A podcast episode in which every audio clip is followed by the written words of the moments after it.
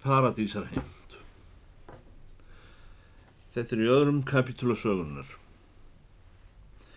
Hér er framhald á samtali um hest, milli steinarsbonda í hlýðum og tveikja hérashauðingja, Björns umbóðsmanns á leirum og Benediksens síslumanns.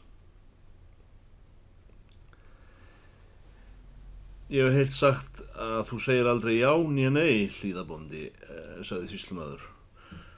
Mér langar að samprófa við henduleika hvort sé rétt. Bondin kumraði við mjótt og svaraði Ég hef nú svo sem ekki tekið eftir því.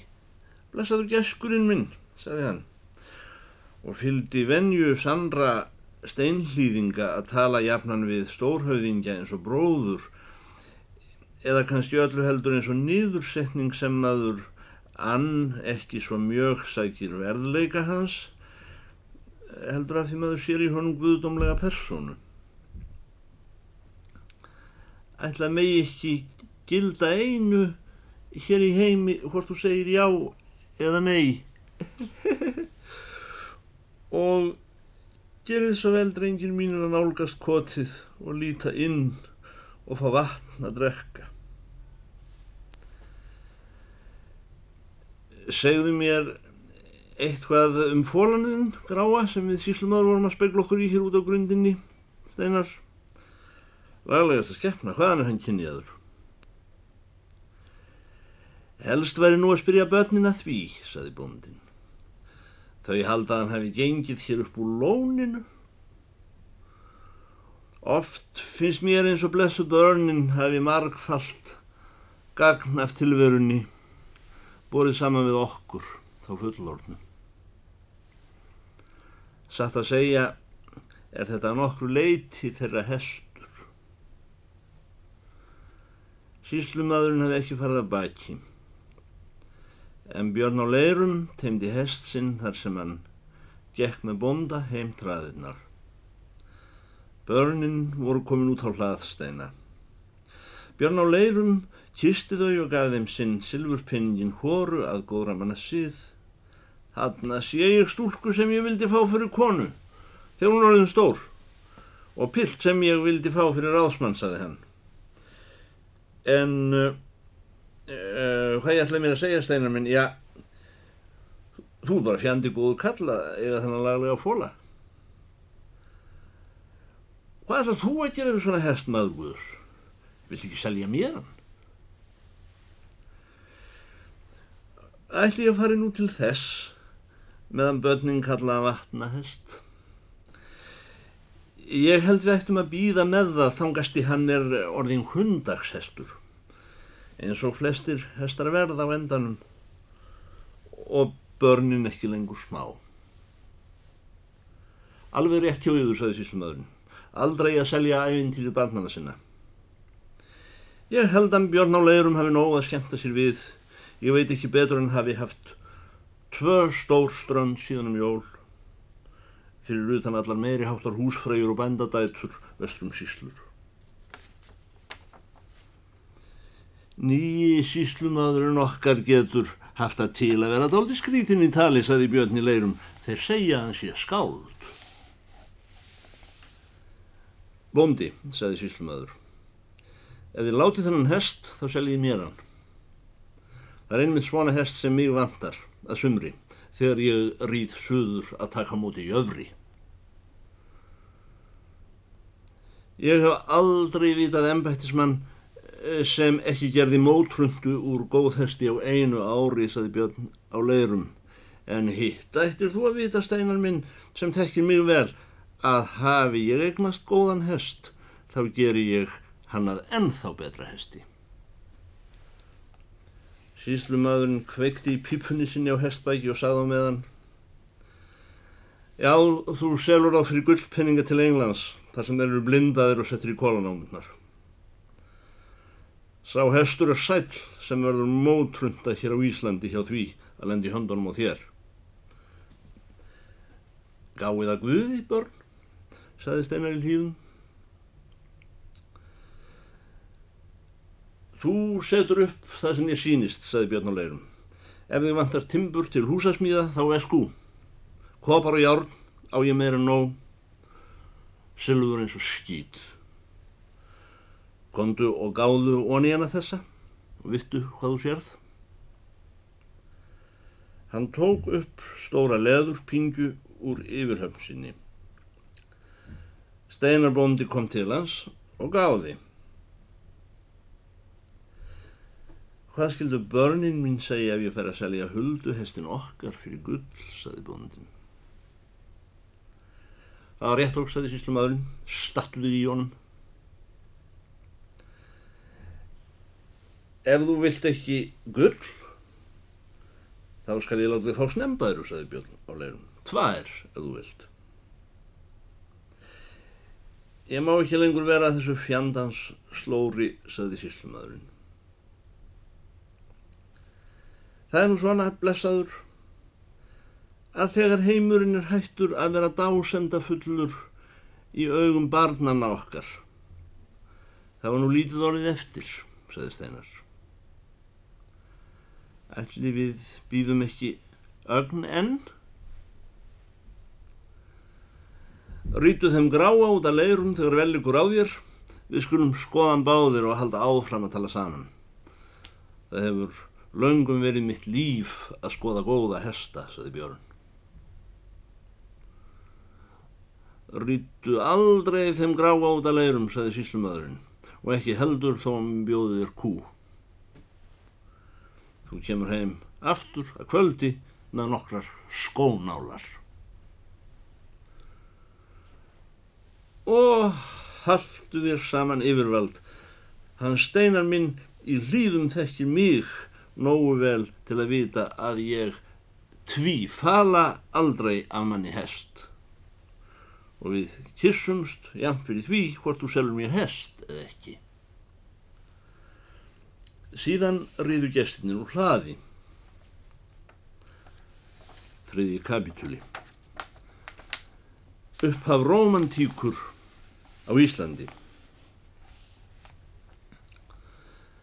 Þjóðlíf á Íslandi var enn ekki komið svo langt í romantík að fólk úr sveitum tæki sig til á helgum dögum og sumrin og færi í útræð í líkingu við skóarfarir í Danmörku eins og síðarvarð. Á þeim dögum var enn tali ljótt í sveitum að sinna nokkrum hlut vegna þess eins að hann veri skemmtilegur.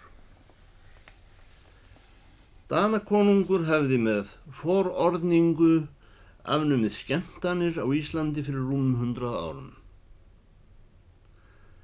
Dans var sagður af djöflinum og hafði þá ekki verið stígin í sveitum í marga mannsaldra.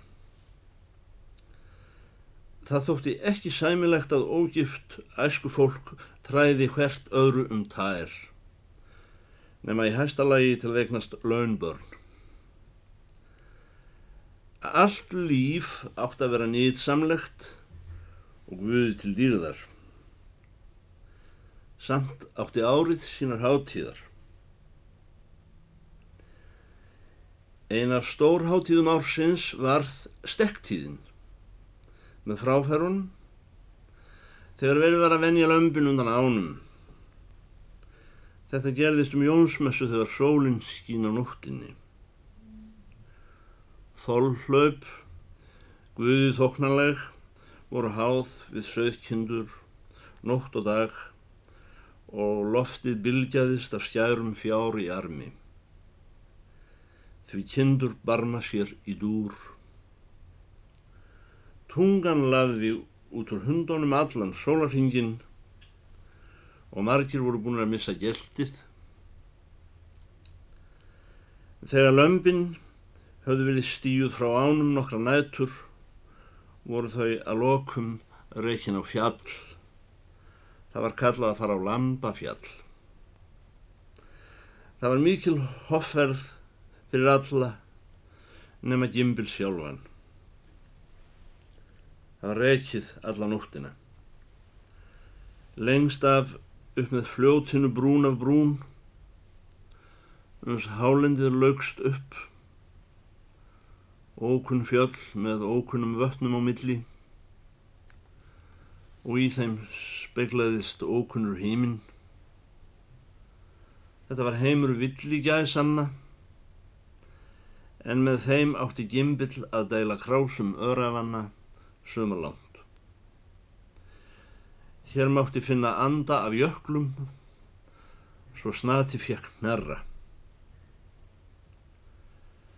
Af hlýðatorfunni sammæltust nokkur bæir á Lambafjall. Í þessa för fengu kvenmenn stundum að fara líka. Diggar vinnukonur höfðu verið að hlakka til þessar dýrðar síðan í fyrra því ekkert var nú fábreytnin hjá kallmönnum hjá því sem gæm fólki. Loks nokkur unlingar allt onni stálpaða krakka. Þar var okk komin sá með gulahárið frá draungum sem verið hefði eina vertið til sjós söður í Þorlokshöfn og komið við í hlýðum undir steinalhlýðum og heimleið úr verinu um lokinn. Hann átti heima fáeinum bæjarleiðum austar þar sem nokkrir einstakir klettar höfðu orðið viðskilaðið bergið. Þetta var fermingarárið ennars steinulitlu. Og til að fagna því að hún var orðin stór stúlka hafði pappi ennars sett hana upp á gæðingin, krapa, alveg umyrða laust en það hefði aldrei gerst fyrr.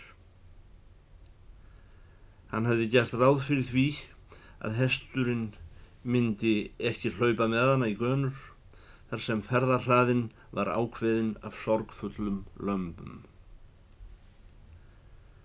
Ástinn, sem við nú kallum svo, var þá en ekki flutt til Íslands menn mökuðu sig romantíkur laust eftir orðlausu náttúrulögmáli og samkvæmt þýskum pietisma Danakonungs. Orðið ást lindist reyndar í málinu sem leifar frá ókunnri fornöld þegar orð þýttu allt annað. Ef tilvill verið notað um hross. Engu að síður fór náttúran sínu fram eins og fyrir skrifað. Því ef pildi og stúlku gafst ekki færi á að gjóta hornauga undir hinnum laungu þýsku predikunum um pietisma ellegar í réttonum þar sem jarmur verður meiri en annar staðar á heimsbyggðinni. Þá fór ekki hjá því að þau kæmu hvort við annað af tilviljun og sumrin þegar þau voru að binda hei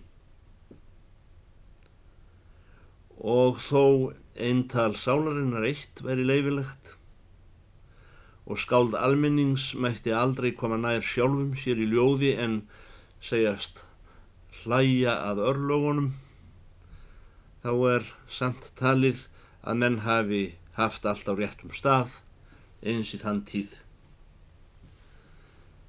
Með tempruðu merkjakerfi og villandi tali var hægt að halda uppi náttúrlegu mannlífi í heilum sveitum.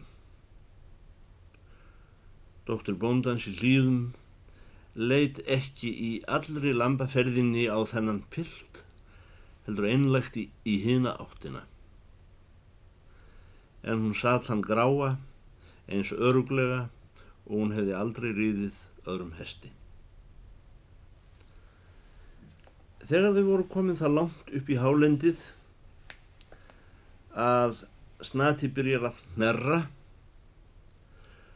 þá láð þar mikið stöðu vatn undir sólað sjá og andaði af því dularfullum kul. Pilturinn rýður allt í einu upp að hlið hennar og segir Gekst ekki til pressins í vor? Ég var missir á eftir, segir hún. Ég hefði átt að vera tekin í fyrra, e, þó ég hefði þá verið yfir ungi í árinu. Þegar ég kom við hjá ykkur á leiður verinu og ég sá þig, þá held ég að ég sæi offsjónir, segir hann. Að ég er vist orðin óttalega stór og ljótur bjáni, segir hún. Það er eina bótin að ég lítil inni fyrir. Ég hef nú líka tíman fyrir mér að fá viskuna þó ég hefi reyndar lært mikið á því að vera til sjós, saði hann. Ég trúi enn mörgu sem kannski ekki er satt, saði hún, og skil ekki hitt. Heyrðu mig, saði hann. Þú ættir að lofa mér að koma aðeins á bak þeim gráa.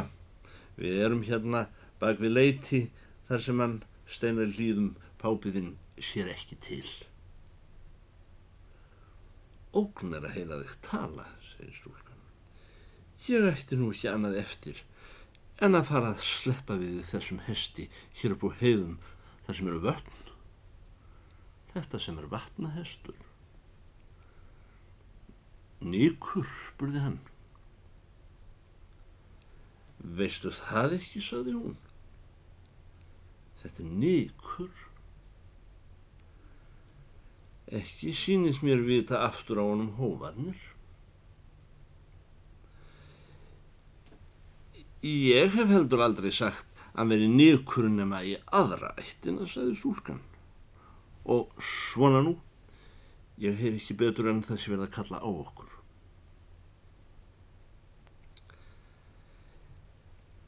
Ég tala við þig senna.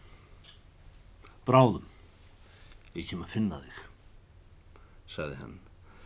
Æ, ég gerði það ekki fyrir alla Guðs lifandi muni, ég myndi verða svo hrætt en það þekkir þau mig alls ekki neitt og ég þekki þig alls ekki heldur.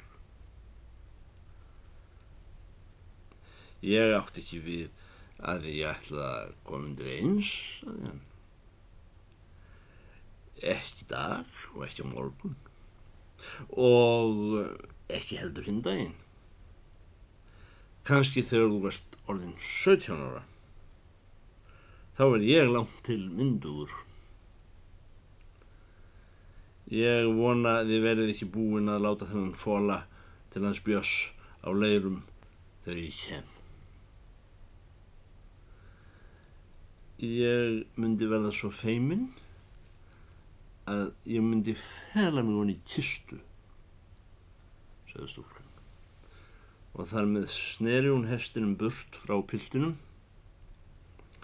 svo hún þurfti ekki að líta á hann, en það skipti það engum tógum að feður þeirra voru riðinir fram á þau. Ekki skulum við láta utar í hodnið á rekstrinum verða afstans, ljósinu mín, saði fæðir hennar. Hinn bóndin saði, það má mikið vera ef þeim er ekki ferða detta dáliti gott í hug.